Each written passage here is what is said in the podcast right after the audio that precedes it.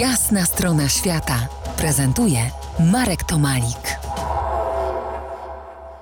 Bartek Sabela, reporter, autor poczytnych książek, m.in. Wszystkie ziarna piasku, Morze, morze wróci, Afronauci z Zambii na Księżyc. Dziś próbujemy zrozumieć barwy Sahelu.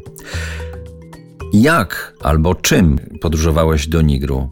Jest tam jakikolwiek ruch turystyczny? Bardzo znikomy. Trzeba wziąć pod uwagę, że te złożoność problemów w pasie Sahelu jest, jest niezwykła i, i Sahel staje się coraz bardziej niebezpiecznym miejscem. Jeżeli spojrzymy sobie na te 11 krajów, które tworzą Sahel w rozumieniu pasa Zielonego Muru, to ogromna część z nich jest pochłonięta różnymi konfliktami lub e, po prostu wojnami.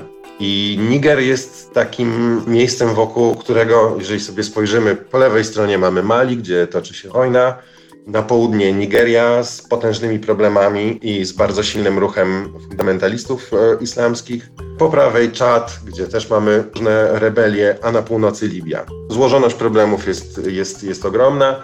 Wszystkie te grupy, które poruszają się po pasie Sahelu, mówią o grupach terrorystycznych, lubią podróżować przez Niger, więc y, Niger no, nie jest destynacją turystyczną, do tego jest y, zazwyczaj najbiedniejszym krajem na świecie. Mówię zazwyczaj w sensie rankingów przeróżnych. By wyjechać poza Niamey, jako dziennikarz potrzebowałem obstawy, obstawy żołnierzy i całego konwoju aut. Bardzo skomplikowane i rzeczywiście niebezpieczne.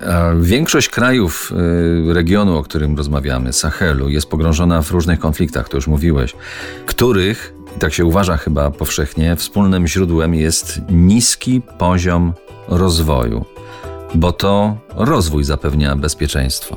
Co byśmy nie chcieli, tak jest. A te konflikty mają różne, różne tło. E, bardzo poważnym, e, tak niski poziom rozwoju jest oczywiście e, przyczyną, ale coraz większą, coraz bardziej znaczącą przyczyną staje się dostęp po prostu do pól uprawnych.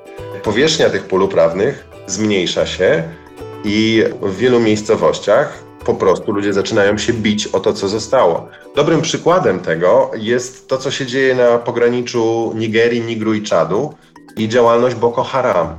To jest wprost wojna, konflikt klimatyczny o to, co zostało z tego miejsca, by, by, by zapewnić e, ludziom przetrwanie.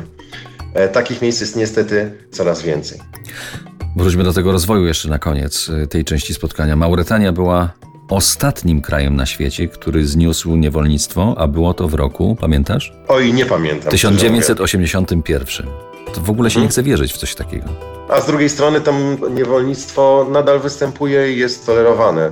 Ono nie zniknęło w żaden sposób. Owszem, jest y, nielegalne, ale nie jest de facto ścigane. No i to nie jest jasna strona świata. E, za kilkanaście minut spróbujemy to światło zmienić. Zobaczymy, może nam się uda. Zostańcie z nami. To jest jasna strona świata w RMS Classic.